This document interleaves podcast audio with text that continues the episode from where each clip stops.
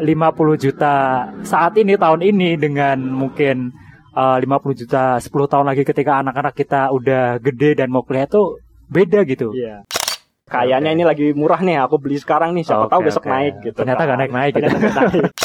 Dalam menganalisis saham, setidaknya kita tuh bisa menggunakan dua pendekatan ya. Hmm, Yang pertama namanya analisis fundamental, hmm, yang kedua namanya analisis teknikal. hmm.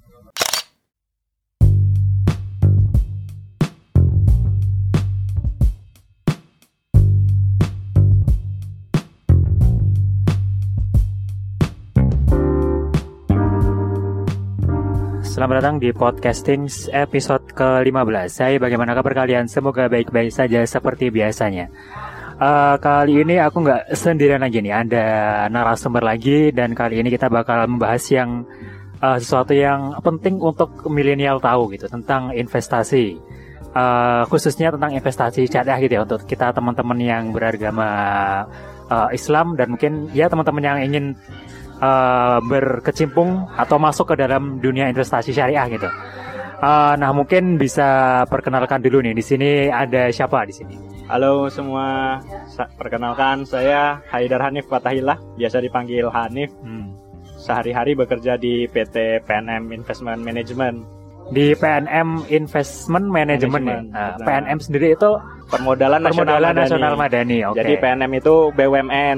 Iya. Terus PNM punya anak usaha namanya PT Permodalan PNM Investment Management. Oh, Oke oke PNM Investment Management. Nah Iya. mungkin eh, sebelum masuk ke masalah investasi syariah nih, eh, mungkin bisa dijelasin dulu nih di PNM Investment Management tadi itu kerjaannya ngapain aja gitu garis besarnya gitu. Secara umum, secara garis besar yang paling Hmm. gampang ya perusahaan kita itu perusahaan manajer investasi. Hmm. Jadi mengelola investasi ada dana kita kelola, Hmm. kita investasiin gitu. Jadi emang bener-bener di investasi ya Iya, sesuai dengan namanya benar. gitu. Ah, Oke oke. Dan kalau aku baca dari Google nih tadi sempat baca juga di Google kan PNM itu eh, salah satu tujuan dibentuknya itu untuk permodalan di UMKM bener nggak? Iya, Nah, kalau di PNM Investment sendiri sama juga nggak atau sedikit Ya, berbeda? Secara gitu? tidak langsung kita ikut mendorong untuk pembiayaan UMKM ya. Ya. Misalnya nanti teknisnya kita bisa menerbitkan reksadana penyertaan terbatas gitu dengan underlying aset eh, MTN yang diterbitkan oleh PNM Holding, PNM Ah. Persero. Jadi itu uang itu nanti digunakan juga untuk eh, pembiayaan UMKM. Oh, gitu. tetapi berarti nggak nggak secara langsung Benar, nggak eh, secara ke langsung. permodalan di Langsung, UMKM-nya iya. ya. Tapi kita turut membantu untuk mencarikan investor, mencarikan dananya untuk disalurkan ke pembiayaan UMKM. Oh, Oke oke oke. Eh, itu mungkin tadi sedikit tentang eh, backgroundnya ya di PNM Investment Management ya, bener ya? Betul. Ah, Oke oke. Nah terus eh, mungkin sedikit ke backgroundnya Mas ini dulu nih, Mas Hanif ya panggilannya, Iya, Mas Hanif. Eh, kan Mas Hanif ini di bidang investasi gitu ya. Kenapa sih eh, terjun gitu ke dalam dunia investasi gitu? Ya, Apa yang menyebabkan Mas Hanif tertarik gitu? Ya, pertama karena saya udah kenal ini sejak kuliah ya, Hmm. udah belajar sejak kuliah dan Sejak kapan tuh? sejak dua saya kuliah 2013, Ah. berarti kenal pasar modal mungkin sekitar 2014-an lah. Udah lama ya? Iya. Berarti awal-awal tahun kuliah berarti? Ya, mungkin awal tahun ya, sekitar Hmm. awal tahun masuk tahun kedua lah. Iya iya iya. Dan inline juga kan dengan jurusan saya gitu. Hmm. Ka- Katanya wah ini cukup menarik untuk diperdalam semenjak itu sering-sering sering lah belajar tentang investasi, tentang pasar modal, termasuk yang tentang keuangan syariah juga di Hmm. kampus juga kan dulu ikut eh, sering diskusi sama Hmm. teman-teman gitu tentang investasi, investasi syariah gitu. Hmm.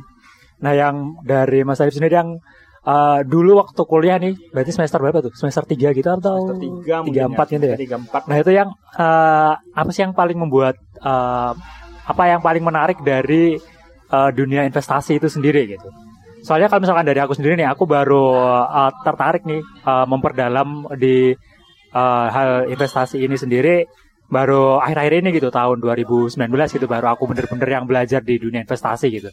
Nah kalau dari Mas Arif sendiri uh, dulu apa gitu yang uh, membuat tertarik gitu? Yang membuat tertarik ya, Ah. yang jelas yang pertama ya return sih sebenarnya. Oke. Jadi kita ada uang, uang uang sisa, uang tabungan gitu daripada dibiarin aja diinvestasiin kan Hmm. bisa dapat return gitu. Hmm. Jadi uangnya nggak nggak nganggur, bisa di, Hmm. dikelola untuk diinvestasiin gitu, Hmm. bisa dapat return. Oke oke. Jadi lebih ke return nih. Awalnya ya Uh, terus tadi uh, karena return itu sendiri, return kan berarti salah satu apa ya? Salah satu keuntungan keuntungan investasi. kalau investasi betul. gitu ya. Nah, mungkin uh, sebelum masuk ke situ nih, uh, ke pembahasan yang umumnya dulu gitu. Kenapa sih kita kita ini perlu melakukan uh, investasi itu sendiri gitu? Karena begini ya, kalau berdasarkan teori itu kan hmm. ada yang kita tahu namanya time value of money gitu, hmm. nilai waktu dari uang. Yeah. Jadi uang itu kan dengan nominal yang sama untuk beberapa waktu tahun ke depan nilainya akan turun beda gitu, gitu ya beda. Hmm. daya belinya itu akan beda hmm. misal uang seratus ribu sekarang sama seratus ribu 10 tahun yang lalu atau seratus ribu 10 yang tahun yang akan datang nilainya hmm. akan berbeda seratus ribu sekarang kita bisa beli makanan hmm. berapa porsi gitu mungkin hmm. untuk lima tahun ke depan cuman bisa satu atau dua porsi hmm. untuk makanya kita harus melakukan investasi agar nilai uang kita itu bisa mengikuti inflasi lah minimal. Hmm. Jadi nggak kegerus daya belinya. Hmm. Itulah salah satu kegunaannya. Oh, Daripada okay, cuma okay. ditabung biasa kan mungkin ya dapat sih tapi kan nggak begitu gede. Hmm. Mending diinvestasiin. Hmm. Uh, dan in, tadi bilang uh, tentang ini ya inflasi inflasi sendiri berapa persen sih setahun inflasi itu sekitar empat persen ya empat persen rata-rata empat persen ya. kurang lebih lah sekitar empat persen oh, setahun okay, okay. nah mungkin buat teman-teman yang belum tahu inflasi apa gitu. Inflasi Bisa itu dulu deh inflasi apa gitu. Jadi gampangnya inflasi itu kenaikan kenaik, kenaikan harga-harga secara umum gitu. Hmm. Jadi harga itu kan nggak selamanya sama, sama gitu ya. Okay. Untuk tahun-tahun ke depan dia akan naik. Misal kita hmm. dulu beli gorengan 500 satu, yeah. terus naik jadi 1000 dapat satu. Nah, uh, itulah inflasi. Di Jogja kayaknya masih 500 satu deh kayaknya. Kayaknya di Jogja ya, di Jakarta ya. Tapi di Jakarta 1000 satu sih. Oke, oke, oke. Jadi itu inflasi tadi uh, salah satu hal yang buat kita emang ini sih harus investasi iya, gitu. Ya. Harus investasi. Dan mungkin kalau kalau aku sempat baca-baca juga sih uh, ini salah satu hal yang benar-benar bikin aku tergugah untuk melakukan investasi. Sekarang aku belum sih investasi sih, hmm. baru memperdalam dulu, hmm. uh, belajar dulu. Nanti kalau misalnya udah mantap baru masuk gitu. Nah, dari yang aku pelajari, yang aku dapat dari uh, yang aku baca gitu ya, uh, salah satu inflasi yang paling tinggi itu adalah uh, inflasi pendidikan gitu. Yeah. Itu bisa sampai setahunnya itu naik belasan persen gitu, sampai 15 persen pun juga bisa gitu di uh, inflasi pendidikan gitu. Dan itu uh, satu-satunya yang bisa uh, menandingi inflasinya dari inflasi pendidikan itu cuma uh, investasi gitu ya, kalau nggak salah yeah. gitu. Dan dan ya itu tadi yang menyebabkan aku kayak terpantik gitu. Wah, emang harusnya benar-benar harus investasi nih daripada duitnya ditabung doang. Iya. Uh, Oke okay, duitnya ditabung banyak gitu. Misalkan secara nominal, secara angka gitu banyak, misalkan 50 juta gitu. Tapi uh, 50 juta saat ini tahun ini dengan mungkin uh, 50 juta 10 tahun lagi ketika anak-anak kita udah gede dan mau kuliah itu beda gitu yeah. nilainya gitu dan biar bisa menandingi si inflasi pendidikan tadi itu ya salah satu caranya dengan bukan salah satu sih mungkin satu-satunya cara mungkin ya salah satunya sih oh, salah, salah satunya, satunya. itu dengan investasi itu ya mungkin seperti ya, itu ya gitulah kira-kira alasan utamanya hmm. Uh, mungkin ada yang lainnya nggak kenapa kita harus uh, melakukan investasi itu sendiri? Sebenarnya kenapa kita harus investasi kita juga harus ngelihat ya dari tujuan kita investasi hmm. itu mau hmm. apa gitu kan kan banyak nih apakah jangka hmm. pendek, jangka menengah, jangka panjang, hmm. apakah uang yang akan digunakan kayak tadi untuk siap-siap biaya sekolah anak hmm. gitu kan itu kan nanti tipe investasinya juga akan berbeda, Beda -beda gitu. Ya, instrumennya okay. juga akan berbeda termasuk hmm resiko yang kita ambil juga berbeda hmm. gitu untuk apakah untuk jangka pendek, jangka menengah, jangka panjang itu hmm. sebenarnya tergantung dari kebutuhan kita. Setiap hmm. orang nanti kan berbeda-beda. Kenapa oh, kita harus okay, investasi? Okay, okay. Nanti motifnya akan berbeda-beda bisa setiap orang. Oke oke. Okay. Eh, nah, Tuh. aku jadi uh, tertarik untuk tanya nih. Uh, dulu kan Mas dari awal kuliah ya tahun pertama gitu, eh tahun kedua ya, tahun kedua, tahun kedua ya. kuliah. Nah dulu tujuannya apa tuh investasi? Tujuannya buat belajar aja sih dulu. Buat belajar aja, oke. Okay. Ya karena kita, saya kan juga kuliah di di Fakultas Ekonomi ya. Jadi itu kan dekat dengan mat, uh, pelajaran sehari-hari hmm. biar bisa lebih ngerti prakteknya gimana. Oh ya dah belajar deh bener ikut main saham gitu hmm. biar tahu hmm. prosesnya gimana. Awal-awalnya okay, okay, sih okay. itu. Terus mulai belajar lagi, oh lumayan ya ternyata bisa dapat untung nih daripada uangnya cuman aku taruh di tabungan aja okay, mending okay, diinvestasi ini lumayan okay. nih hasilnya bisa buat bisa buat apalah gitu. Oke oh, oke okay. Okay. Berarti udah kalau sampai sekarang berarti udah sekitar empat tahun lebih kali ya. Iya. Sekitar empat tahunan lebih ya dari Iya. awal dulu investasi. Nah sekarang tujuannya udah berubah belum atau masih sama nih untuk belajar aja nih? Enggak lah, kalau sekarang udah, Udah beda berubah ya? untuk mengalokasikan dana-dana oke, kita oke. aja biar nggak terlalu konsumtif juga, Hmm. biar bisa dinikmati untuk kebutuhan-kebutuhan jangka panjang yang Hmm. ke depan gitu. Nah mungkin eh, bisa dijelasin juga nih eh, kalau untuk kita kita nih untuk yang umur eh, 20-an awal nih, mas, masnya sekarang kan sekarang juga masih berapa? ya? 25, 26 kan ya mungkin. Siapa? Mas Haris ini sekarang berapa? Aku 23. Oh 23 Iya. Sumpah bener Iya. muda banget Aku lahiran 96. Oke oke oke oke Wah aku merasa tua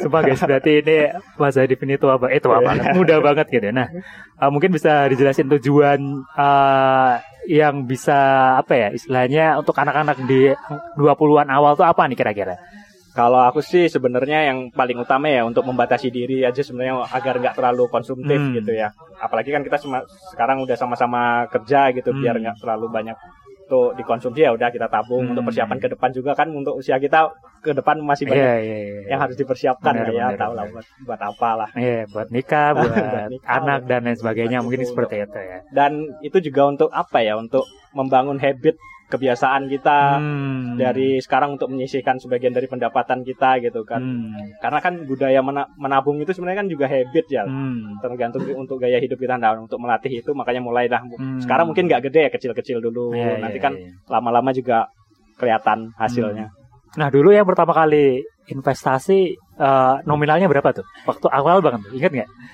awal banget sekitar Beri aku ya berapa lot tuh dulu?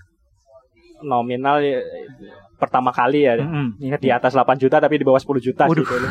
Pertama langsung invest gitu ya? ya Wah lumayan lumayan gokil sih itu. mantap mantap mantap. Eh, Oke oke mungkin eh, sebelum lebih lanjut lagi mungkin bisa di ini dulu kan investasi itu ada banyak gitu ya bentuknya ada Mhm, reksadana betul, ada eh, obligasi ada sukuk dan lain sebagainya gitu mungkin eh, bisa dijelasin secara singkat mungkin ya hmm, Eh, ada apa aja sih investasi itu Kita- jenis-jenisnya kita bicara investasi di produk pasar modal yang secara umum dulu nah, ya secara umum dulu yang konvensional dulu Iya yang konvensional nggak usah yang syariah dulu. Hmm. Habis yang konvensional baru bisa kita enak bahas yang syariah gitu. Secara Hmm. umum ya yang, yang paling umum itu sebenarnya kalau produk investasi konvensional biasanya ada saham, Hmm. ada obligasi, ada reksadana. Iya. Itu yang paling umum. Tapi ada lagi sih nanti turunannya kayak kita ada ETF namanya Hmm. Exchange Traded Fund, ada DIRE, ada DINFRA. Hmm. Tapi yang paling umum sih tiga, tiga itu tadi. ya Hmm. Saham, obligasi, sama reksadana. Nah, itu mungkin penjelasan uh, umumnya seperti apa tuh masing-masing itu dari Gini, tiga kalau tadi. saham itu sebenarnya adalah bukti kepemilikan kita terhadap suatu perusahaan, Perusahaan, gitu. oke. Jadi ketika aku beli saham, membuktikan bahwa aku punya perusahaan itu, punya Hmm. hak kepemilikan perusahaan itu, gitu, Hmm. hak, milik, gitu. Oh, Ikut oke, menanamkan oke. modal di perusahaan itu. Jadi gitu. fokusnya ke pembe apa ya? pe- penanaman modal Iya, ya? penanaman Oke. modal saham. Itu saham. Terus Kalau uh, obligasi, itu surat utang. Hmm. Jadi aku memberikan hutang kepada perusahaan itu. Jadi perusahaan si emiten ini si perusahaan Hmm. itu minjem uang ke kita gitu. Oke, oke. Jadi nanti dia bakal balikin ke kita sebagai investor beserta pokok beserta bunganya gitu. Hmm, Kita bunga atau misalkan dalam syariah mungkin bagi hasil, gitu ya. margin, fee Oh, gitu. oke, oke. Kalau Oke, dalam Berarti syariah tadi yang saham itu tentang modal, terus obligasi tentang uh, utang. utang, terus uh, reksadana nih apa Nah, nih? kalau reksadana ini adalah produk yang diterbitkan oleh manajer investasi namanya Hmm. perusahaan manajer investasi di, di- di Oke. Indonesia mungkin sekitar sekarang ada sekitar 90-an ya eh, perusahaan manajer Oh, investasi. lumayan banyak ya berarti ya. Lumayan banyak. Hmm. Itu. Jadi isinya nanti itu adalah kumpulan efek gitu, baik saham maupun obligasi. Jadi dikumpulin, Hmm. mereka bikin suatu portofolio, nanti dijual ke investor gitu. Hmm. Dan naik turunnya eh, reksadana itu kan berdasarkan underlying asetnya itu tadi, Oke, oke, baik saham oke, atau oke. portofolio tergantung jenis reksadananya. Oke oke oke. Eh mungkin buat ini ya teman-teman yang masih belum uh, tahu istilah-istilah dalam dunia persahaman gitu ya. Eh. Mungkin bisa jelasin dulu nih. Emiten itu apa, efek itu apa gitu biar ke depannya kita gampang nih ininya. Emiten itu jadi perusahaan yang listing di bursa itu. Jadi Hmm. perusahaan yang udah terdaftar di bursa itu perusahaan yang IPO ya. IP yang udah Oh, IPO oke. yang eh, sahamnya diperjualbelikan itu Hmm. emiten. Emiten. Oke terus tadi efek itu Tadi sendiri. efek itu saham, Sahamnya obligasi ya. itu Hmm. efek. namanya. Jadi kalau Efek. misalkan dalam uh, istilah jual beli mungkin efek itu barangnya ya objeknya Iya, mungkin betul, ya. betul. Nah, Oke, oke. jadi itu tentang emiten dan efek. Nah, mungkin dua kata ini penting sih untuk kita tahu dalam dunia investasi ya, karena itu banyak digunakan gitu ya, Hmm. istilahnya itu tuh tadi. Eh, terus ini ya mungkin investasi kan tadi kita di awal udah bilang eh, banyak untungnya gitu ya, bukan banyak punya, ada keuntungannya gitu. Ah, Lebih amannya gini sih, investasi memberikan potensi Ah, keuntungan. potensi keuntungan. Nah, mungkin Karena bisa, bisa juga rugi. Ah, dijelasin tuh. Keuntungan investasi itu dalam bentuk apa gitu? Nah, masing-masing masing-masing instrumen investasi itu ada kelebihan kekurangannya masing-masing ya. Misal Hmm. kalau saham itu keuntungannya apa sih kalau kita beli saham? Yang pertama kita akan dapat dividen. Hmm. Yang kedua kita akan dapat capital gain. Hmm. Apa itu dividen? Jadi ketika kita beli saham, nanti secara periodik biasanya umumnya si emiten itu perusahaan penerbit Hmm. saham itu memberikan dividen atau apa ya kayak laba bukan sih? laba Iya, bagian laba, laba iya, iya, perusahaannya itu ke kita itu jadi kita juga dapat uang gitu Hmm. Kemudian potensi keuntungan yang kedua namanya capital gain Hmm. karena harga saham di pasar modal itu bisa naik turun Oke. ketika misal kita beli sekarang harganya 5000 ternyata besok har- minggu depan harganya udah 6000 kita Hmm. udah untung 1000 tuh kita bisa jual di harga 1000 Nah, itu ki- Capital kita bisa dapat ya? keuntungan 1000 di harga Hmm. 6000 tadi kan itu Oke, namanya oke, capital oke. gain kalau itu yang di saham Oke. kalau yang di obligasi keuntungannya itu ada dua juga Hmm. secara umum ya. Yang pertama kita dapat kupon. Kupon? Iya, yang pertama Oh, oke, kupon, yang kupon. kedua capital gain juga. Oke. Kupon itu apa? Kupon itu kayak eh kalau di konvensional sih semacam bunga ya, dapat Hmm. bunga gitu kan kita ngasih kredit ke perusahaan Iya, iya, iya. misal 10 1 juta gitu. Ntar kita tiap tahun dapat 100 ribu keuntungan Hmm, Dan gitu. itu fix atau Tergantung macam-macam. floating? Macam-macam. Oh, macam-macam. Macam-macam. Ada Oh, yang oke, fix, oke. ada yang floating, tapi secara umum konsepnya kayak gitu. Oh, Oke, oke, oke. Dan oke. juga potensi keuntungan yang kedua dari obligasi itu capital gain juga karena ada Hmm, obligasi yang bisa diperjualkan juga. ya. Oke, oke, oke. Oke. Kalau yang reksadana, tadi kan ada tiga nih. Yang Iya, reksadana, iya, iya. keuntungannya apa? Keuntungan investasi reksadana itu kenaikan NAB namanya. Apa tuh?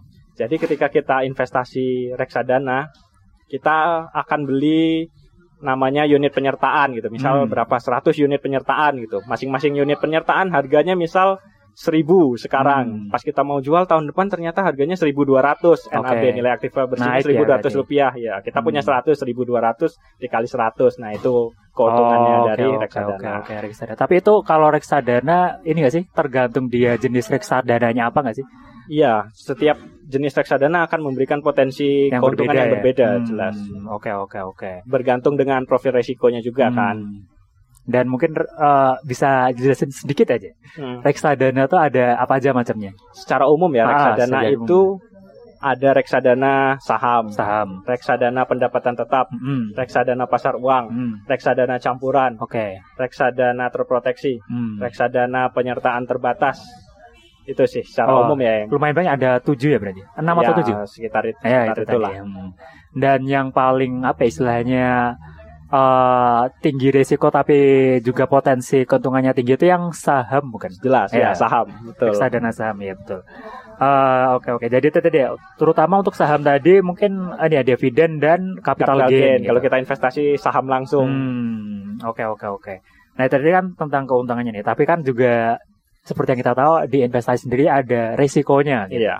Nah mungkin eh, bisa dijelasin tuh resikonya apa aja sih kalau Nah, di investasi Kalau itu? resikonya yang terutama ya untuk eh, saham sama reksadana Hmm. yang paling umum itu nilainya turun. Misal kita Capital beli loss, ya. capital loss Ah. jadinya. Kita beli 1000 eh ternyata harganya 800 sekarang Hmm. udah rugi kan kita. Iya iya iya. Tapi ka- selama kita nggak jual itu itu masih berupa potensial Potensi, loss, belum oke. di realize, belum Hmm. jadi realize loss gitu. Itu itu sih resikonya yang paling utama ya. Hmm. Kalau untuk obligasi resikonya adalah satu resiko gagal bayar. Oh. Jadi dia ngutang kita kan tadi ngasih pinjaman ke Oh, perusahaannya. oke, perusahaannya oke, ternyata nggak bisa, Nggak bisa bayar, bayar gitu. karena misalnya Bangkrut bisnisnya gitu? lagi seret atau Oh, malah oke, bangkrut oke, gitu. oke, Jadi dia jadi uang kita nggak bisa balik itu resikonya. Hmm. Oh berarti mungkin tadi yang saham juga bangkrut itu salah satu resiko juga mungkin ya? Iya, Hmm. tapi ya betul. Jadi ini nih menarik nih. Kalau misalkan nih kita udah menanamkan menanamkan saham nih di suatu perusahaan gitu, Hmm. dan tiba-tiba eh, perusahaannya bangkrut gitu, Hmm. Eh, apakah kita benar-benar akan kehilangan semua saham kita menguap gitu aja atau uh, ada apanya gitu misalkan ditanggung oleh negara atau gimana gitu enggak enggak ditanggung negara enggak. jadi misal ketika perusahaannya bangkrut ya udah hilang gitu hilang gitu aja ya perusahaan ini kemungkinan kan akan dilikuidasi ya hmm. akan dijual semua aset-asetnya hmm. nah ntar kita dapat sisa-sisa oh, tapi biasanya okay. ya kalau di pasar modal di hmm. udah di pasar sekunder gitu di pasar modal ketika ada isu-isu perusahaan itu akan bangkrut atau keuangannya seret itu nanti secara otomatis di pasar akan merespon gitu orang oh, udah jual okay, duluan okay, sebelum okay, dia okay, benar-benar okay, bangkrut okay. gitu harganya turun hmm. turun turun gitu orang udah nggak percaya lagi dah lepas aja lepas oh, aja sebelum okay, okay. kerugiannya makin dalam nanti akan kelihatan kok okay. di, di pasar. Jadi yang benar-benar yang tetap masang saham di sana tuh mungkin dia lupa kalau nanam saham di sana bisa jadi lupa atau dia pengen ngambil resiko nih. Oh, oke oke oke. Kayaknya okay. ini lagi murah nih aku beli sekarang nih siapa okay, tahu besok okay. naik gitu. Ternyata nggak naik naik gitu. Sampai bangkrut gitu. Oke oke oke oke. Ah, nah itu tadi mungkin uh, resiko dari investasi gitu ya kan mungkin uh, ya setiap usaha tuh ada ada potensi keuntungan dan ada potensi Uh, resikonya gitu. Tugas ya. kita kan gimana ngelola resiko itu. Hmm. Nah mungkin uh, sekarang ini nih bisa masuk ke investasi syariah mungkin ya. Hmm. Tadi kan yang umum nih investasi hmm. dalam uh, hal investasi konvensional. Nah mungkin hmm. bisa dijelasin nih uh, apa sih bedanya investasi syariah dengan investasi konvensional gitu? Apalagi kan kalau misalkan uh, kita nih misalnya sebagai umat uh, muslim khususnya gitu ya, tentu kan segala hal ada aturannya gitu kan. Betul. Dan kalau misalkan kita bisa mengusahakan yang sesuai dengan aturan ya itu lebih baik iya, gitu istilahnya. Nah, mungkin bisa dijelaskan gitu investasi syariah itu sendiri seperti apa? Perbedaan mendasar yang paling utama itu investasi syariah adalah investasi yang dia nggak melanggar syariah. Jadi hmm. dia uh, memenuhi prinsip-prinsip syariah gitu. Karena hmm. dalam investasi konvensional itu ada beberapa hal yang dia tidak sesuai dengan prinsip syariah oh, okay. seperti yang paling umum itu riba gitu hmm. kan itu nggak boleh ya di Islam. Nah investasi syariah mengakomodir hal-hal itu jadi dia udah mempertimbangkan aspek kesesuaian syariahnya. Oke oke oke. Nah mungkin bisa itu. di uh, jelasin tadi kan ini berarti kan pada intinya adalah investasi syariah adalah investasi konvensional tapi sudah disesuaikan dengan hukum-hukum syariah gitu dengan ya, syarat-syaratnya ya, gitu kan. Ya mirip mirip kayak investasi konvensional tapi hal-hal yang dilarang oleh hmm. Islam yang nggak sesuai syariah itu udah dihilangkan. Udah dihilangkan. Nah, mungkin bisa dijelaskan gitu. Uh, apa ya istilahnya syarat-syaratnya untuk bisa menjadi investasi bisa menjadi uh, investasi investasi syariah, syariah gitu, gitu, ya. gitu apa aja yang pertama tadi kan kita bahas masing-masing aja ya, misal ah. saham syariah itu gimana, okay, obligasi okay. syariah itu gimana, reksadana syariah itu gimana gitu. Hmm. Kalau saham sebenarnya tadi kan udah dibahas di awal ya. Sebenarnya saham itu bukti kepemilikan kita terhadap perusahaan itu gitu. Hmm. Secara umum kan itu sebenarnya halal ya. Kita kita sama kayak kita punya barang apa gitu. Okay. Kalau barangnya halal, cara mendapatkannya halal ya halal. Halal ya. Yang benar, yang bikin benar. dia nggak halal ketika misal barang bar, uh, kita mendapatkannya dengan tidak baik hmm, walaupun barangnya halal walaupun gitu ya? barangnya halal hmm. atau barangnya emang ha haram tapi kita, kita uh, beli tetap tetap haram iya kan? benar benar benar benar tetap itu jadi misal kita babi gitu kita kita beli makanan uh, kita beli terus kita makan walaupun uangnya uang halal, halal. ketika kita makan yang haram yeah. tetap haram ke tubuh kita tetap hmm. itu hal haram gitu. Yeah, nah, yeah, saham yeah. tuh juga kayak gitu sebenarnya. Jadi saham nanti ada screeningnya. Hmm screeningnya itu setidaknya ada tiga untuk dikatakan saham itu dia masuk syariah, syariah ya? atau enggak. Hmm. Pertama dari bisnisnya, bisnisnya nggak okay. boleh melanggar syariah. Bank konvensional itu enggak, enggak, okay, enggak termasuk enggak termasuk karena ada syariah. ribanya ya. Ya, ya itu benar. alasannya. Oke. Okay. Itu yang dari segi bisnisnya. Kemudian hmm. ada lagi screening yang kedua dari uh, struktur keuangannya, struktur okay, keuangan perusahaan tuh? itu. Ada dua kategori sih. Oke. Okay. Yang pertama uh, rasio total hutang berbasis riba hmm. terhadap total aset itu kurang dari sama dengan 45 persen. 45 persen, oke. Okay. Itu yang pertama. Yang kedua, rasio uh, pendapatan non halal terhadap total pendapatan itu kurang dari sama dengan 10 persen. Jadi okay. tiga syarat itu terpenuhi, dia bisa dikategorikan sebagai saham yang syariah. Hmm. Nah, saham syariah ini nanti ada daftarnya. Hmm. Dia di OJK itu tiap enam bulan sekali dia melakukan revisi dan rilis list-list saham yang saham mana yang masuk saham syariah oh, itu yang okay, bisa kita okay, jadikan okay, patokan okay, okay. Saham-saham syariah. Oke oke. Dan sampai saat ini kalau nggak salah ada sekitar 400-an Ya, sekitar emiten itu yang udah masuk masuk dalam saham OJK syariah. gitu ya. Itu Oh, yang dari oke, segi oke. sahamnya. Kemudian yang dari segi yang kedua gimana kita bertransaksinya itu Oh, juga oke, ada. oke. Yang pertama ketika kita bertransaksi di pasar sekunder itu Hmm. untuk saham syariah nggak boleh pakai margin namanya, nggak boleh juga Hmm. short selling. Gitu. Margin itu apa? Kita Oke, beli oke. tapi nggak ada uangnya gitu. Hmm. Itu margin. Kalau short selling itu kita jual tapi kita belum punya barangnya itu nggak boleh. Oh, Oke oke oke. Nah, bi- sekarang biasanya udah disediain sih sistem khusus untuk trading syariah itu namanya SOTS, Hmm. Syariah Online Trading System. itu apa tuh aplikasi gitu atau? Jadi ketika kita mau eh, beli saham itu kan kita harus lewat namanya broker. Hmm. Nanti ada beberapa broker itu yang udah menyediakan platform khusus untuk investasi saham syariah Oh, gitu. oke, Jadi oke. yang masuk di sana hanya saham-saham yang masuk kategori syariah, Syariah. dan cara-cara transaksi yang nggak sesuai syariah itu udah diblokir sama dia. Jadi kita Oh, bisa oke, langsung oke, oke. yang syariah doang gitu. Hmm. Oke oke oke. Jadi itu tadi eh, salah satu apa ya istilahnya syarat gitu dalam, Iya. dalam tanda kutip. Gimana sih biar suatu perusahaan itu bisa menerbitkan saham syariah gitu ya? Iya, biar Kurang lebih bisa. seperti itu ya. itu yang saham. Ah oke oke. Ada Dan- tadi kan yang obligasi kan. Ah, ah, obligasi gimana tuh? Yang obligasi sebenarnya kalau di yang syariah namanya suku ya. Hmm. Jadi kalau obligasi itu, kan sebenarnya surat utang, Hmm. surat yang menyatakan bahwa perusahaan itu punya utang ke kita, kita sebagai investornya. Oke, oke, gitu. oke. Kalau dia suku, yang membedakan nanti di akadnya gitu. Hmm. Eh, sebenarnya untuk memahami ini kita lebih enak tuh sebelumnya eh, bicara tentang fikih muamalah dulu ya, tapi Oke oke. nanti akan kelamaan Panjang jadi, ya? ya panjang tapi kita ambil yang simpel-simpel Oke, aja lah oke, oke. penjelasannya jadi nanti ada akad gitu jadi obligasi syariah itu gampangnya dia ada suku atau suku itu ada underlying asetnya gitu Hmm. ada underlying aset nanti itu dikelola sedemikian rupa gitu tergantung akad yang digunakan gitu Oke, ada akad mudaroba musyarakah ijaroh Hmm. wakalah tergantung lah setiap setiap suku itu punya spesifikasinya masing-masing Oke oke. tapi nanti si investor itu bisa mendapatkan imbal hasil berupa bagi hasil Hmm. atau biaya sewa gitu. Jadi dia ada under- underlying asetnya biar dia eh, bisa dikatakan syariah gitu. Oh, Oke oke oke oke. Tapi kalau kita ya misal yang masih awam gitu biasanya ketika dia udah suku namanya udah suku dan ada surat atau keterangan kesesuaian dari Dewan Syariah Nasional Hmm. MUI itu berarti udah yang jenis investasi syariah gitu. Oh, kalau nggak mau oke. repot ya ini Iya iya ini, iya. ini suku gimana apa akadnya yang dipakai apa Hmm. atau apa gitu kalau males bacanya. Oh, Oke oke. Kalau- Oh anyway ini ya tadi disebutin juga DSN MUI itu adalah eh, bidang-bidang atau apa ya? kayak lembaga. lembaga yang eh, mon apa ya istilahnya kalau dalam MUI itu apa sih namanya Me, me, menfatwakan menfatwakan, Ya, menfatwakan tentang eh, tentang eh, urusan ekonomi syariah gitu ya Betul. kurang lebihnya seperti itu dan ya kayak kayak inilah kayak misalkan ada produk makanan itu kan ada label halalnya Halal, dari betul. MUI nah kalau dalam investasi itu dari eh, DSN. DSN MUI gitu Ya. Dewan Syariah Nasional MUI Iya. Nah, seperti itu. Ah, Oke, oke. Nah, tapi ah, tadi udah jelasin juga tentang yang ah, obligasi, gitu ya. Obligasi. Ah, kalau yang reksadana sama juga? Sama aja reksadana itu selama isinya atau portofolio efek di dalam reksadana itu syariah Hmm.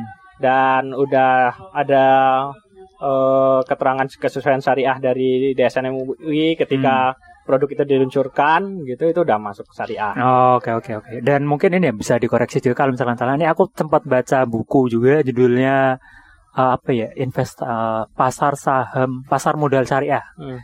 Nah, itu dalam buku itu itu jelasin kalau syarat eh, kita dalam masuk dalam dunia investasi syariah itu ada empat gitu. Hmm. itu tuh ada syaratnya itu tidak boleh riba, Ya, tidak boleh goror, horor, tidak maisir. boleh eh, apa ya maisir, judi apa sih? maisir, judi. Ah, maisir judi. Terus yang keempat itu tidak boleh apa ya? Aku lupa. Ya pokoknya ada empat gitu. Dari ketiga itu yang poin yang menarik itu adalah yang disebut goror gitu. Hmm. Nah mungkin eh, bisa dijelasin dulu ya mas. Goror itu paling gimana gampang gitu? itu go- horor itu ketidakpastian gitu ya. Hmm. Misal objeknya itu belum jelas Hmm. atau akad yang digunakan itu nggak jelas gitu. Misal kita mau jual kayak contohnya yang paling sering dijadikan contoh itu ijon gitu ya. Hmm. Ijon itu kan kita beli misal kebun, gitu. kebun yang ada buahnya, buahnya, tapi belum berbuah. Tapi belum berbuah. Ah. Itu kan nggak jelas objeknya Iya, iya, ada iya. berapa buahnya di sana. Spekulan lah Ya, istilahnya. kayak spekulasi gitu Hmm. itu sih. Kalau di fikih muamalah biasanya contohnya yang paling gampang itu. Nah itu nggak boleh lah ya kalau kayak nggak gitu. boleh. Terus judi juga Hmm. kan. Eh, mai- eh, maisir sama riba sih. Yang paling banyak kan riba sebenarnya. Hmm.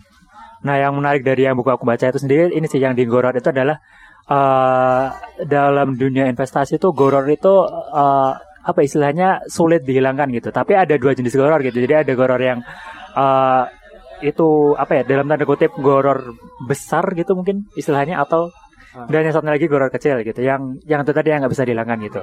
Tentang resiko gitu. Nah, eh, tapi disuruh dijelaskan gitu. Jadi kan ini tentang spekulasi gitu. Nah, dalam kita misalkan masuk ke dunia investasi itu sendiri, eh salah satu ya, syaratnya untuk menjadi syariah adalah kita harus eh, menjadi investor yang rasional gitu. Betul, betul, Jadi eh, kita bermain investasi tapi Kita harus tahu ilmunya. Gampangnya tapi gitu. tahu ilmunya Betul. gitu nggak Ya. nggak cuma nggak cuma ikut-ikutan terus Betul. berspekulasi Betul. gitu. Jadi eh, kalau dalam tadi yang syarat-syarat di awal kan lebih ke dari perusahaannya gitu nggak boleh riba dan lain sebagainya. Terus dari eh, segi bisnisnya harus seperti apa. Nah ternyata kalau dari buku yang aku baca itu sendiri dari kitanya sendiri pun juga Iya. harus belajar gitu. Betul. Kalau misalkan kita uh, udah masukin udah main di saham gitu, misalkan kita udah beli saham dari saham syariah, tapi kitanya nggak belajar uh, saham syariah itu bisa jadi Betul. belum syariah gitu Iya, istilahnya. betul. Karena kita dalam tanda kutip tetap berspekulasi gitu. Ah, iya. Karena kita nggak nggak mencari tahu ilmunya gitu kan berarti uh, dalam diri kita sendiri juga harus belajar terlebih dahulu gitu. Seperti itu nggak kira-kira? Iya, iya. Hmm. Dulu aku pernah ikut ini kan eh, sekolah pasar modal syariah gitu. Hmm. Nah, salah satu materinya juga tentang itu. Selain dari segi perusahaannya, dari segi cara kita bertransaksi juga itu Hmm. menentukan. Itu termasuk tadi itu yang masalah eh, horor, horor Hmm. atau spekulasi gitu kan. Iya. Sebenarnya spekulasi itu apa sih? Ketika kita melakukan sesuatu tapi kita nggak punya ilmunya gitu kan Hmm. bisa dikatakan kayak spekulasi Iya, gitu ya. iya, iya. Sementara kalau kita misal mau investasi, mau beli apa gitu, mau saham ini, Oke. kita pertimbangannya apa sih beli nih? Oh, ternyata bisnisnya lagi bagus nih, ini perusahaan gede Hmm. gitu. Di eh, misal kita udah proyeksiin ke depan dia akan terus tumbuh gitu. Hmm. Kita beli di sana kan ya nggak termasuk spekulasi gitu. Based on data lah Iya, ya. based on data ada dasarnya Hmm. gitu. Jadi ibaratnya mungkin seperti apa ya?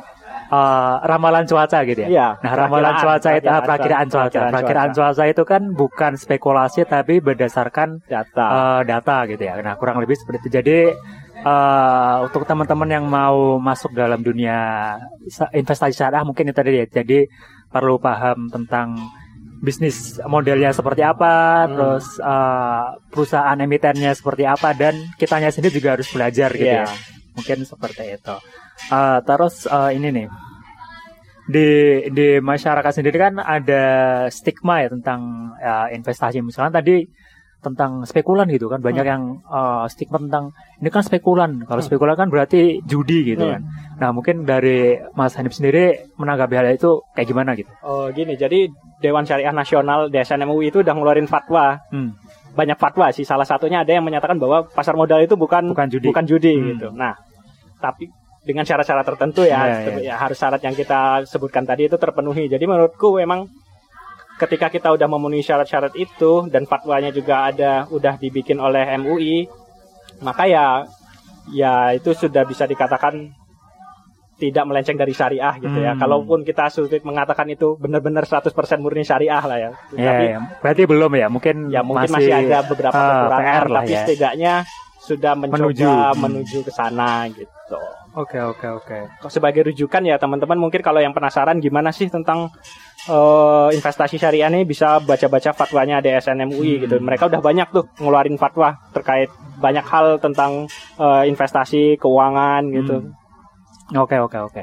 Dan mungkin aku nambahin juga dari buku yang aku baca tadi itu juga, eh, itu aku menemukan satu fakta unik lagi nih. Hmm. Jadi segala apa ya sistem ekonomi ini mau ini tolong dikoreksi ya, Iya. kan bukan dari orang ekonomi, tapi di- cuma dari baca aja. Jadi segala eh, apa ya bidang ekonomi yang kita terapin saat ini, misal- misalkan perbankan atau eh, investasi syariah atau ya banyak itu, Hmm. hampir hampir keseluruhan sistem ekonomi dunia saat Hmm. ini itu eh, tidak ada di zaman Rasulullah dulu gitu. Jadi bisa dibilang semuanya baru gitu.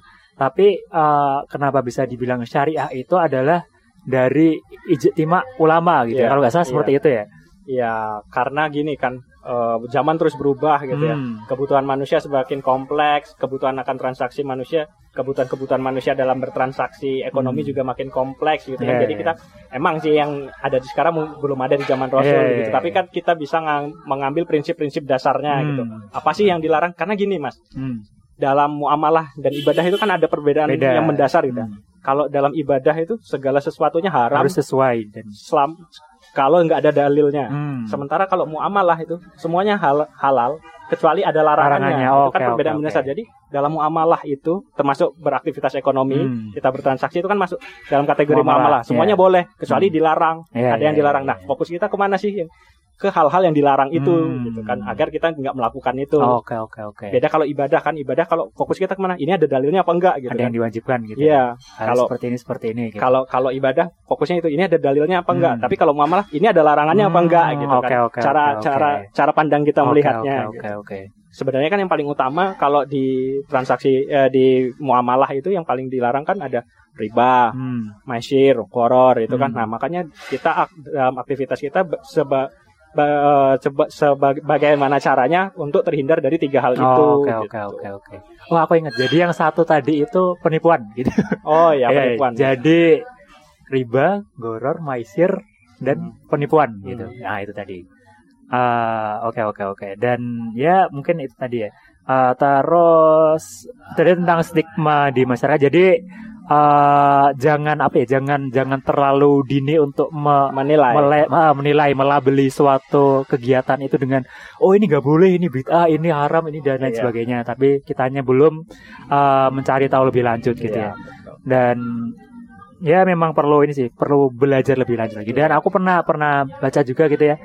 Eh, pernah dengar juga dari ustadz gitu eh, salah satu ada satu hadis gitu tentang eh, misalkan bisa dila misalkan suatu itu suatu itu bisa dilakukan sebagian Oh, jangan itu- ditinggalkan itu sebagian salah satu kaidah fikih itu ah, ah. mungkin bisa dijelaskan ya terjemahannya terjemahannya be- terjemahan bebasnya gini tuh kalau kita kalau kita nggak bisa melakukan sepenuhnya jangan ah ya tinggalkan ya, ya. semuanya seluruhnya Ah, gitu. benar benar benar Jadi, benar. misal kita ini belum bisa sepenuhnya misal kita mau nabung di bank gitu Hmm. kan kan banyak kan bank konvensional tapi kan udah ada juga bank syariah mungkin ya, ya, ya.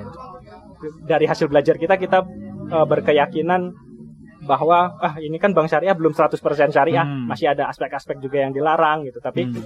kalau berdasarkan kaidah itu kan kalau ya untuk sementara adanya itu Iya, gitu. iya, iya. daripada nggak ada sama, sama sekali gitu Iya, kan iya. jangan tinggalkan jangan tinggalkan jangan tinggalkan semuanya langsung gitu ya. Iya. Nah, dan kalau aku mikir juga itu bakal menjadi uh, realistis ketika uh, kalau misalkan nih, misalkan kita terlalu saklek dengan itu takutnya nih, misalkan tadi misalkan di bidang uh, investasi syariah gitu kan. Hmm. Kita sudah berusaha untuk mensyariahkan investasi gitu. Iya. Tapi kan memang belum pada kenyataannya belum 100% syariah gitu kan. Iya. Tapi ketika kita uh, langsung meninggalkannya gitu begitu saja, nah itu kan justru malah sampai kapan pun nggak bakal 100% syariah Iya, gitu ya. iya, Mungkin benar. seperti itu ya kurang lebihnya. setidaknya kita dalam proses untuk menuju Hmm. ke makin melakukan perbaikan-perbaikan Hmm. gitu ya Oh, Oke oke oke oke. Mungkin itu uh, sedikit jawaban buat teman-teman yang mempertanyakan dia. Soalnya aku juga aku sendiri pun juga Ah. mempertanyakan itu dulu waktu awal-awal uh, belajar investasi syariah gitu. Ini Ah. kan belum 100% syariah gitu. Iya. Apakah boleh atau enggak gitu? Nah, kan salah satunya juga gini ya. Mungkin untuk kita yang masih awam terhadap ilmu agama, Hmm. salah satu caranya gimana sih kita ikut ulama kan? Hmm. Kita ngikut pendapat ulama kan. Nah, Iya, sementara iya. di Indonesia udah ada kumpulan istimewa ulama mengenai hal itu. Mereka sudah berfatwa gitu. Hmm. Misal ini haram atau enggak, ini boleh apa enggak gitu. Dari Hmm. patokannya mana? Ya itu tadi DSN, Iya, iya. DSN MUI. MUI, mereka Hmm. udah menerbitkan fatwa-fatwa itu. Walaupun ya sebenarnya fatwa itu kan bersifatnya nggak mengikat gitu, Hmm. tapi setidaknya kita punya rujukan bahwa oh Hmm. ini boleh, ini nggak boleh, gitu. Hmm. ini diperboleh masih diperbolehkan oleh ulama gitu. Hmm. Karena kita Oke, oke, oke. Kapasitas kita kan ikut ulama gitu, ikut Hmm. pendapat ulama gitu ya. Hmm. Iya, iya benar benar benar. Dan mungkin aku tambah tadi juga, tadi kan salah satu syarat tentang uh, salah apa ya saham syariah bisa dikatakan syariah itu uh, rasio perbandingan apa tadi yang riba tadi? Uh, total hutang berbasis ah, total riba hutang ada total aset. Ya, itu, itu tadi kan 45 persen ya? Kurang dari sama dengan ah, kurang dari sama dengan 45 persen. Nah, itu pun itu kalau aku baca juga itu sebenarnya itu udah peningkatan gitu. Hmm. Kalau awalnya dulu itu kalau nggak salah 85 persen gitu utang rasionya utang uh, riba berbasis asetnya tadi itu tadi. Aku nggak bisa konfirmasi ya, karena aku ah. belum baca datanya. Ya, tapi tadi. peraturan terbaru sih kayak gitu. Ah, jadi awalnya dulu yang nggak baca itu dulu 85 persen dulu. Ah. 8, 8 kurang dari 85, eh kurang dari atau sama dengan 85 persen. Ah. Nah kalau sekarang kan berarti udah 45, berarti yeah. kan udah ada peningkatan lah ya yeah. untuk uh, apa ya, rasio ribanya tadi itu. Iya. Gitu. Karena Dan, kalau kita cari yang benar-benar nggak ada, mungkin nggak ada efek yang akan masuk daftar efek ah, syariah nanti ya. Benar, benar, benar, benar. Ah oke okay, oke. Okay. Nah mungkin uh, dan itu juga hasil istimewa ulama gitu, hmm. hasil diskusi dan kesepakatan ulama, ulama yang gitu. udah dituangkan dalam fatwa DSN hmm. itu gitu. Hmm. Jadi mereka menganggap untuk kemaslahatan sekarang ya kayak keadaannya kayak gitu makanya dibuatlah hmm. fatwa begitu rasionya mungkin segitu mungkin ya. di tahun-tahun yang akan datang bisa lebih diturunkan lagi uh, diturunkan lagi mungkin iya. satu banding 10% persen iya, atau yang lainnya gitu ya uh, oke oke okay. terus uh, ini tadi kan kita udah bahas tentang uh, syarat-syarat syariahnya gitu ya iya secara umum lah ya secara umum seperti itu nah mungkin bisa uh, dijelasin mungkin kalau misalkan kita udah yakin nih udah yakin kita mau terjun ke dunia investasi syariah gitu. Nah, hmm. uh, apa sih hal-hal yang perlu kita perhatikan gitu ketika kita mau masuk ke dalam Oke, investasi, investasi syariah gitu? Yang hmm. pertama kita harus tahu tujuan kita mau investasi itu ngapain sih? Hmm. Itu kita harus menentukan juga apakah untuk jangka pendek, jangka menengah, jangka panjang. Hmm. Nah, selain tujuannya itu yang yang kedua kita juga harus paham risiko masing-masing risiko investasinya. Hmm, jenis investasinya jenis tadi itu ya. Investasinya apa dan hmm. risikonya apa agar kita bisa mempersiapkannya kan. Hmm. Yang paling utama sih itu menurutku. Oh, oke oke. Jadi paham tujuannya Karena apa dan paham risikonya. akan beda-beda ya. Misal Oke oke oke. Kita uh, kita sama orang tua kita investasi nanti tujuannya akan beda. gitu oke kan. oke oke. Nah, tujuannya beda, mereka ekspektasi returnnya juga akan hmm. berbeda kan? Ekspektasi returnnya berbeda profit uh, resiko yang diambil juga akan beda beda. Oke oke oke. Uh, dan produknya juga beda dan juga produknya ya. juga beda jelas. Nah mungkin uh, ini enggak? Apa berarti misalkan aku tanya gini nih.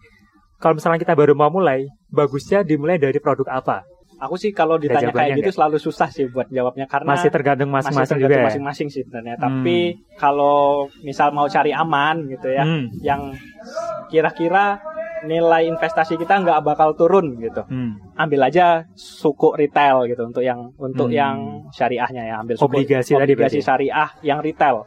Jadi yang retail itu minimal pembeliannya cuma satu juta. Oh, Jadi satu gitu. juta tuh kita udah bisa beli berinvestasi di surat berharga syariah negara. Itu SBSS SBSN itu retail. Retail dan itu diterbitkan oleh negara dan dijamin oleh negara. Hmm. Jadi potensi gagal bayarnya itu hampir nyaris nggak ada lah, hmm. hampir nol lah.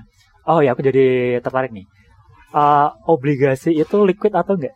Obligasi itu gini, obligasi kan ada dua. Ah. Ada yang bisa diperdagangkan, ada yang enggak ada yang nggak bisa diperdagangkan. Oke okay, oke. Okay. Ketika dia tidak bisa diperdagangkan di bursa eh, di pasar sekunder, hmm. maka dia nggak liquid. Kita harus nunggu itu sampai jatuh tempo. Oh. kita balik. Kita okay, okay, kita selama setahun itu atau bulanan atau tiap tiga bulan atau tiap enam bulan tergantung. Hmm. Cuman dapat kuponnya. Kuponnya aja. tadi itu. Oke oh, oke. Okay, okay. Terus ini nih tadi mungkin tentang bagaimana kita masuk nih ke dunia investasi. Hmm. Nah mungkin aku pengen tahu nih dari uh, Mas Andi sendiri kan udah lumayan lama nih, 4 tahun lah ya, 4 tahun di dunia investasi masuk gitu ya. Uh, udah dapat keuntungan apa aja nih? Atau bahkan atau jangan-jangan malah dapat resiko apa aja oh. nih? Pengalamannya selama dapat 4 tahun untung, ini. Gitu. Iya, tapi resiko juga iya, hmm. karena kan aku pernah dapat untung segini tapi nggak aku realisasikan eh ternyata harga sahamnya turun lagi nggak hmm. jadi dia dapat untung segini tapi okay, tapi secara okay. umum sih terjadi kenaikan lah hmm. dari yang kita investasikan awal gitu. Oh, udah sempat dijual belum itu? Iya, udah sempat sempat sih aku jual. Hmm, udah sempat ya. Uh, terus uh, sekarang juga lagi ramai tentang masalah kan uh, di dunia investasi itu ada dua jenis kan ada trading hmm, dan betul, investing investasi, gitu ya. Investing. Trading itu lebih ke jual beli kita main di apa sih namanya capital gain ya lebih ya, main ke capital, gain. gain dan uh, mungkin hasilnya capital loss tadi itu ya. main di naik turunnya harga saham gitu ya, dan betul. misalkan di investing ya mungkin lebih ke yang jangka panjang, jangka gitu ya. ya seperti itu nah mungkin uh, dari dunia ini nih uh, investing gitu sekarang ada yang istilahnya nabang nabung saham Ya. gitu. Nah, mungkin bisa dijelasin gitu. Nabung saham Jadi itu intinya apa gitu? kita kalau di investing ya, Hmm. investing itu kita cari saham-saham kira-kira yang bagus gitu, yang prospek ke depannya terus Hmm. tumbuh gitu. Ya kita simpan aja gitu kayak nabung. Misal kita sekarang beli 5000 pasti harganya akan turun, naik akan naik, Naik turun, turun, gitu. Dalam pasar itu pasti akan naik turun dia dalam Hmm. jangka pendek, tapi kita harapannya dalam jangka panjang dia akan terus naik gitu. Hmm. Trennya itu akan naik gitu. Jadi kita beli saham-saham yang bagus gitu. Misal kita beli sekarang 5000 gitu.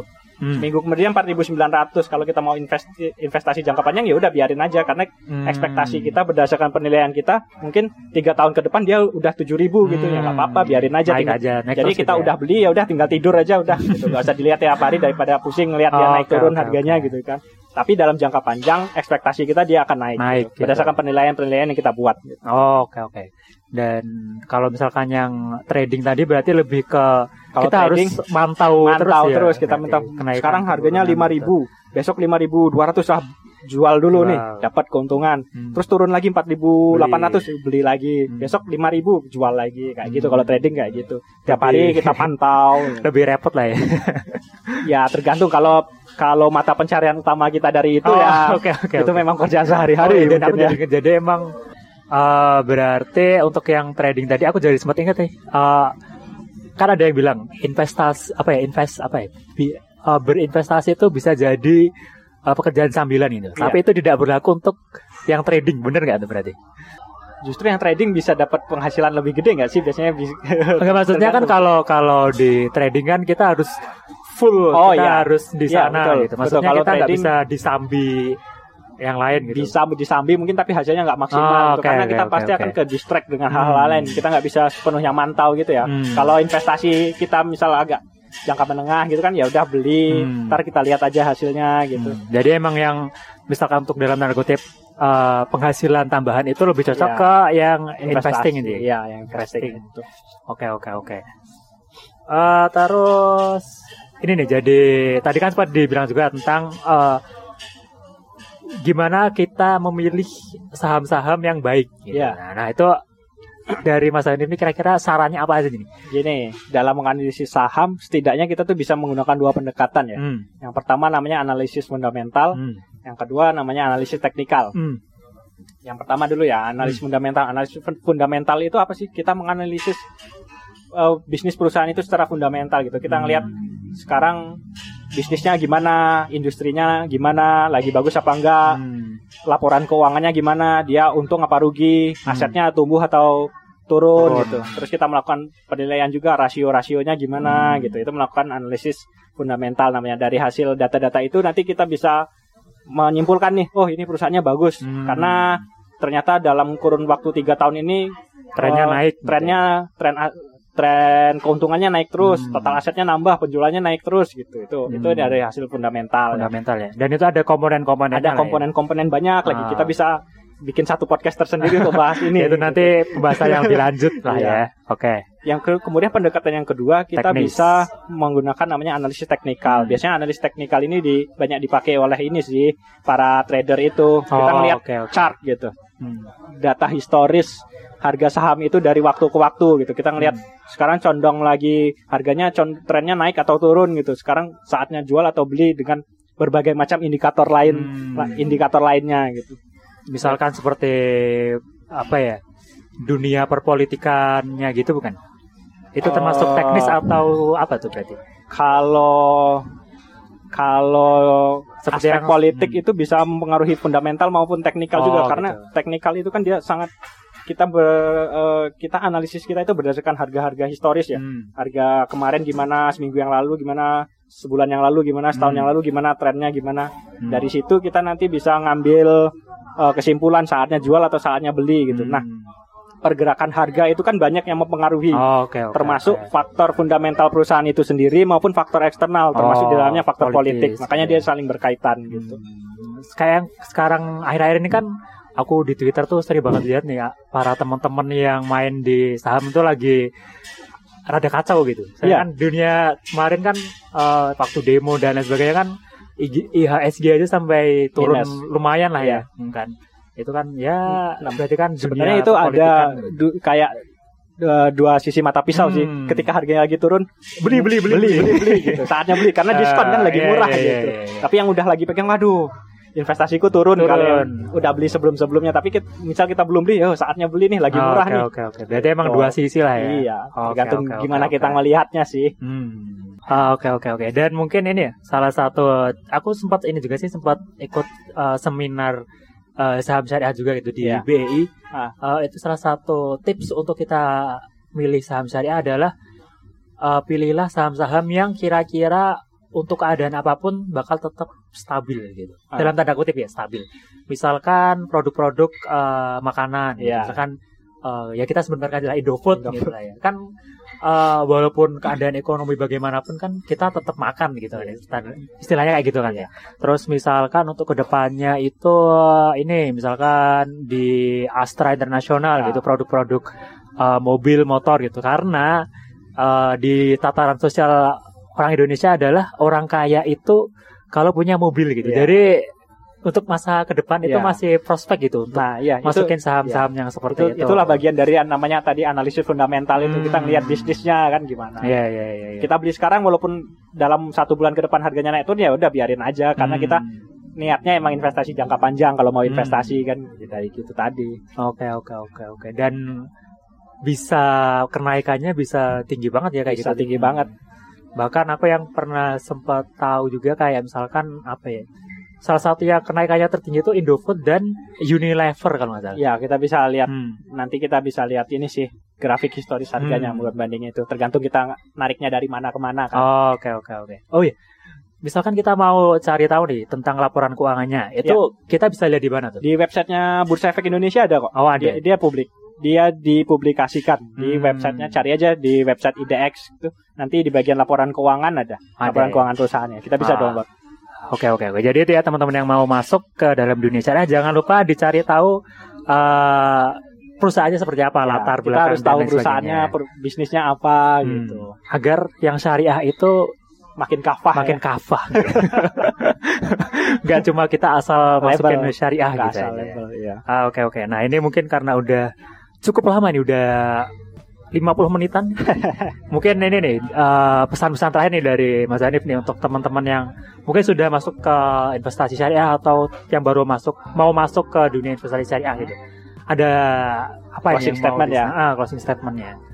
namanya investasi itu pasti ada untung ruginya Hmm. pasti bisa kita bisa untung, kita bisa rugi. Nah, makanya teman-teman sebelum investasi harus pahami dulu risiko dan keuntungan masing-masing instrumen itu apa gitu. Karena masing-masing produk investasi akan berbeda potensi keuntungan dan risikonya gitu. Hmm. Dan kita juga harus sesuaiin sama kebutuhan kita apa. Dan yang Hmm. paling penting adalah investasi itu pakai uang yang bukan digunakan untuk kebutuhan sehari-hari gitu, Hmm. bukan uang operasional kita. Jadi Iya, iya, iya. ibaratnya uang sisa lah gitu Hmm. ini uang nganggur gitu ya ibaratnya uang nganggur gitu. bukan uang yang buat kita makan atau Hmm. biaya sekolah atau untuk ngontrak atau kredit rumah Hmm. gitu bukan yang gitu gitu. Apalagi untuk di tradingin nanti bisa bahaya kan makanya prinsipnya ya uang uang nganggur uang sisa itu Oke oke oke oke. gitu Oke, itu dari Mas Dari. Mungkin dari aku tambahannya mungkin ini ya cuma mengi- mengingatkan aja tadi kan eh, tentang salah satu syarat syariah gitu ya. Beberapa syarat syariah kan tadi dari eh, model bisnisnya seperti apa, terus objek bisnis, objek barang efeknya seperti apa, terus yang jangan sampai lupa juga adalah eh, dari kitanya sendiri gitu. Jangan sampai kita eh, lupa untuk belajar, jangan sampai kita hanya eh, ikut-ikutan aja dalam menginvestasikan uang kita tanpa kita belajar. Karena walaupun tadi objeknya udah syariah model bisnisnya udah syariah tapi kalau kita nggak paham tentang dunia investasi syariah bisa jadi eh, spekulasi. Eh, eh, spekulasi ngoro tadi itu. Dan eh, bisa masuk ke investasi yang syariah tapi nggak kafah gitu ya. kalau istilahnya Mas Arif tadi kafah gitu ya. Nah mungkin itu aja ya dari kita berdua. Kalau misalkan teman-teman mau tanya lebih lanjut tentang investasi syariah bisa langsung tanya aja ke Mas Hanif. Ini bisa ke Instagram, aja kali ya? Instagram ke boleh. apa nih? At Haidar Hanif. H A Y D A R H A N I F. Nah, itu tadi Mas Haidar. Terus kalau misalkan teman-teman ada kritik saran terkait uh, podcasting ini atau misalkan mau usul tema-tema selanjutnya bisa langsung aja DM ke @hamazin H A M A Z I N K. Nah, mungkin uh, itu aja dari aku. Makasih banget Mas Mas yeah. Hanif udah meluangkan waktunya. Oh ya BTW kita ini lagi di Wong Solo Tebet. Jadi kita ya seperti biasa di tempat makan gitu ya. Ada Sekalian nostalgia ya, suara eh, suasana Jogja ya. Ah benar benar benar. Uh, mungkin itu aja dari kami berdua. Kurang lebih mohon maaf. Always positive, always amazing. Jangan lupa belajar investasi syariah and see you in the next episode. Ciao. Okay.